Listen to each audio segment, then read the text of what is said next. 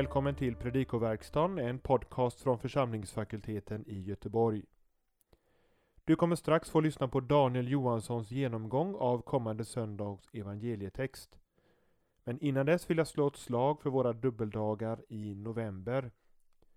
Fredagen den 10 november blir det en pastoralteologisk inspirationsdag med mycket matnyttigt på programmet men också en möjlighet att få prova på det som vi kommer erbjuda under nästa år, nämligen ett pastoralteologiskt fördjupningsspår som formar förtjänst i Kristi kyrka.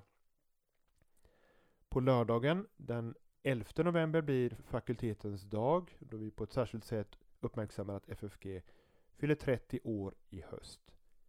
Vill du ge en gåva till jubilaren kan du alltid göra det på, på swishnummer 123 100 8457. För mer information om anmälan till inspirationsdagen gå in på www.ffg.se. Men nu Daniel Johansson, god lyssning. Tredje årgångens evangelium för 19 söndagen efter trefaldighet kommer från Markus 2, 1-12. I vers 1 stöter vi på idiomet di hemeron Innebörden är efter en tid. Subjektet för det passiva verbet ekoste i samma vers måste vara Jesus. Detta eftersom participet som inleder versen står i maskulinum singularis. Vi ska alltså inte översätta det hördes att han var hemma utan han hördes vara hemma. En oiko är också idiom och betyder att vara hemma. Vers 2 Håste meketi chorein medie tapros ten sirran Håste introducerar resultat och betyder så att. Frasen tapros ten sirran, det vid dörren, är subjekt till infinitiven chorein, ha rum eller rymma. Vi översätter så att inte ens området framför dörren rymde dem. I vers 3 har vi paralytikon airomenon, en buren lam man. Det är ett exempel på att det attributiva adjektivet eller participet inte behöver ha någon artikel när artikel saknas framför dess huvudord. I normalfallet har attributet bestämd form. Vers 4. I satsen kai med dynamenoi pros en enkai och inte kunnande föra utlämnas direktobjektet. Det är vanligt att så sker när det är givet av sammanhanget. I svensk översättning får man lägga till det eh, om man inte gör som Bibel 2000 och byter verbet. Ordagrant står det och inte kunnande föra den lame till Jesus på grund av folkmassan avtakade de taket där han var. Vidare skriver Markus Kai exoryxantes chalositon krabaton vilket betyder och efter att ha grävt igenom sänkte de ner bädden. I vers 5 noterar vi ten pistin auton, deras tro. Frågan är om de fyra bärarnas tro avses eller de fyra plus mannen. Båda alternativen är möjliga. När Markus skriver att Jesus ser deras tro ska det nog förstås bokstavligen. Jesus ser tron i aktion. Verbet afientai står i presens vilket innebär att synderna förlåts där och då. I vers, i, vers 6 finner vi ett exempel på en perifrastisk konstruktion där var eh, verbet vara, här äsan, följs av två particip, kathemenoi och dialogitsomenoi. Verbet vara i imperfekt plus presensparticip det är lika med imperfekt. Notera också att tinnes ton grammateon är partitiv genitiv några av de skriftlärda. Vi översätter men några av de skriftlärda satt där och tänkte i sina hjärtan. I vers 7 missar både Bibel 2000 och Folkbibeln räkneordet hejs en. Det är olyckligt för det här är ett av flera ställen i Markus eh, där det anspelas på Shema, Herren vår Gud, Herren är en. Hotheos, Gud, står i opposition till ett. Vi översätter Vem kan förlåta synder utom en Gud? Vers 8 Kai evthys epignos ho Jesus och genast förstod visste Jesus. Både Bibel 2000 och Folkbibeln 98 utelämnar adverbet genast men det översätts i Folkbibeln 2015. I vers 9 är evkopoteron komparativ av evkopos lätt. Men som så ofta i koinegrekiska är nog funktionen superlativisk. Vilket är lättast översätter vi.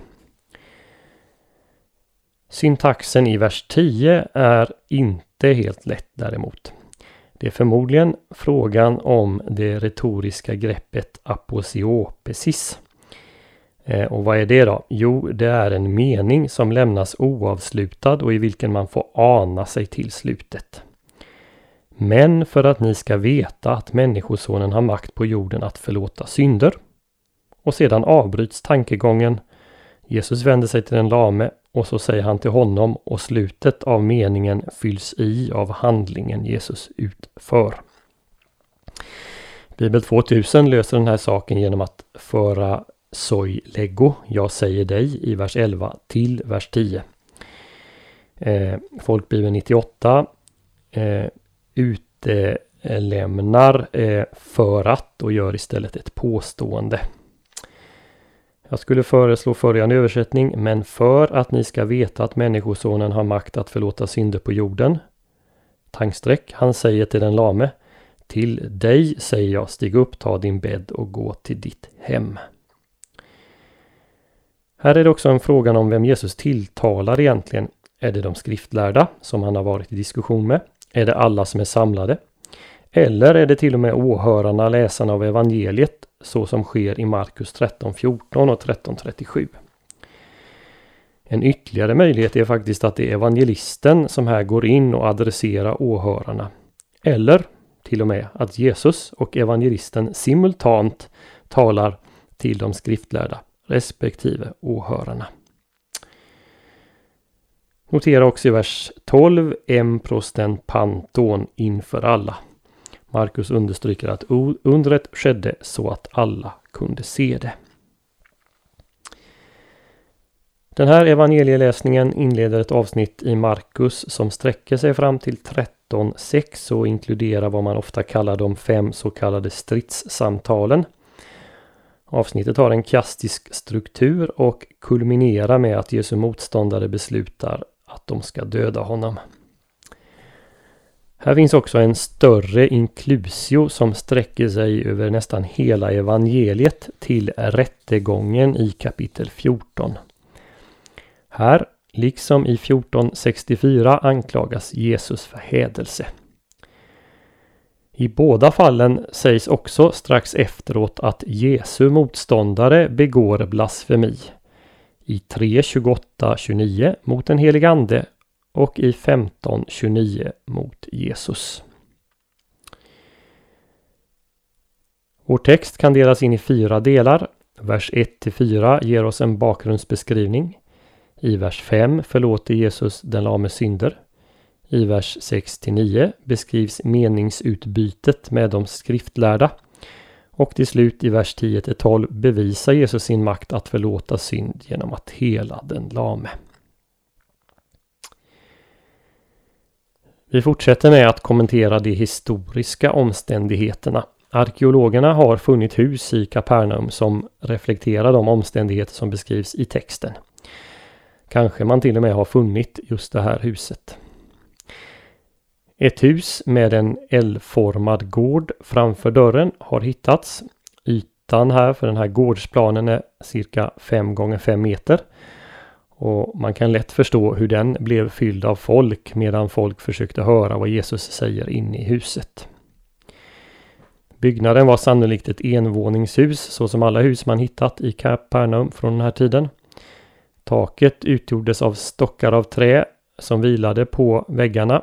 Tvärs över dessa lades andra mindre stockar och pinnar som i sin tur täcktes av halm och som sedan täcktes av lera. Det här förutsätts eh, väl i Markus beskrivning när han säger att männen avtakade taket genom att gräva igenom det. De här detaljerna och att berättelsen i verserna 3 11 berättas i presens pekar nog på en ögonvittnesskildring. Kanske Jesus är i Petrus hus som är det hus som nämns i föregående kapitel hos Markus. Vi kan inte veta säkert men Petrus själv kan mycket väl vara ögonvittnet som berättat detta. Det finns inga GT-citat i texten men väl flera viktiga anspelningar. För det första, Jesu handlande påminner om Psaltaren 103, vers 3. Han som förlåter dig alla dina synder och botar alla dina sjukdomar. Då detta är det enda helande undret i evangeliet som explicit för samman förlåtelse och helande kan det ju vara anledning att ta upp den saken i predikan. Då kan man å ena sidan konstatera att Gamla Testamentet ofta kopplar ihop de här sakerna. Den linjen finns också i NT, till exempel i Första Korintierbrevet 11.30. Samtidigt varnar Jesus i Johannes 9.2 för att på det individuella planet knyta sjukdom till begången synd. Det får väl förbli en spekulation men kanske är det så att Jesus måste i det här fallet försäkra den lame om syndernas förlåtelse för att han ska kunna tro Jesu ord och resa sig upp. Den andra anspelningen vi noterar är eh, profetian i Jesaja 35, 5-6 där förut eh, säger att Gud själv ska komma och då skall bland annat de lama gå. Här bör vi notera att av alla de sjukdomar evangelierna berättar om så faller de allra flesta helandena i just den kategori som definieras i Jesaja 35.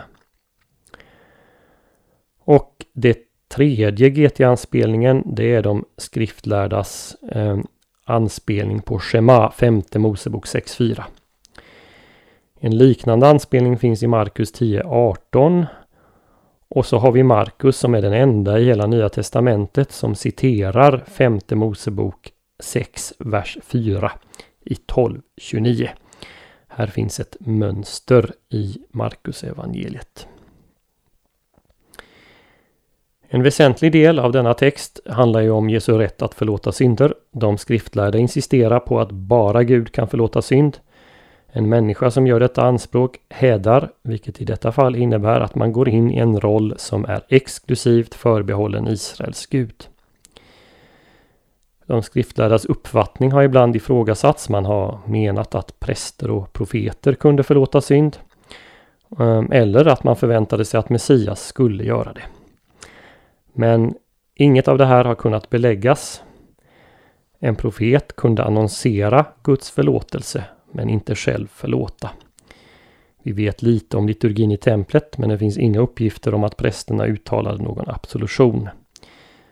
Det tycks ha varit en nyordning i den kristna kyrkan efter Jesu förebild och på hans befallning. Till exempel Matteus 18, 18 och Johannes 20, 23. Jesu förlåtelse av synd vittnar om hans gudom, något som i den här texten också bekräftas av att han vet vad de skriftlärda tänker i sina hjärtan, vilket är en gudomlig egenskap. Att Jesu rätt att förlåta står på spel framgår också av att Jesus både hävdar sin rätt i vers 10 och sedan bevisar sin förmåga genom att hela den lame. Det här är också första tillfället titeln Människosonen används om Jesus i Markus evangeliet. Folk tycks inte ha reagerat emot Jesu användning. Troligen för att de uppfattar att Jesus bara talade om sig själv i tredje person. Det vill säga anspelningarna på Daniel 7 var nog inte helt uppenbara. Men i evangeliet som helhet så är det klart att Jesus använder titeln från Daniel 7 om sig själv. Här och i 2.28 använder Jesus den när han går in i roller förbehållna Israels Gud. I övrigt så används den när Jesus talar om sin återkomst respektive sitt lidande. Och jag har listat alla de här ställena i pdfen till den här podden. Till sist, som så ofta när Jesus gör ett under, leder det till att Gud får äran. Gången är här densamma som i Filipperbrevet 2.11. Alla tungor ska bekänna Gud, Fadern till ära, att Jesus Kristus är Herren. Du har lyssnat på ett avsnitt i Predikoverkstan från församlingsfakulteten. För att stödja FFG och för Predikoverkstans verksamhet ge en swishgåva på nummer 123 100 8457 eller på annat sätt som finns beskrivet och angivet på hemsidan www.ffg.se. På hemsidan hittar du också information om aktuell verksamhet och resurser som det är fritt att ladda ner och ta del utav.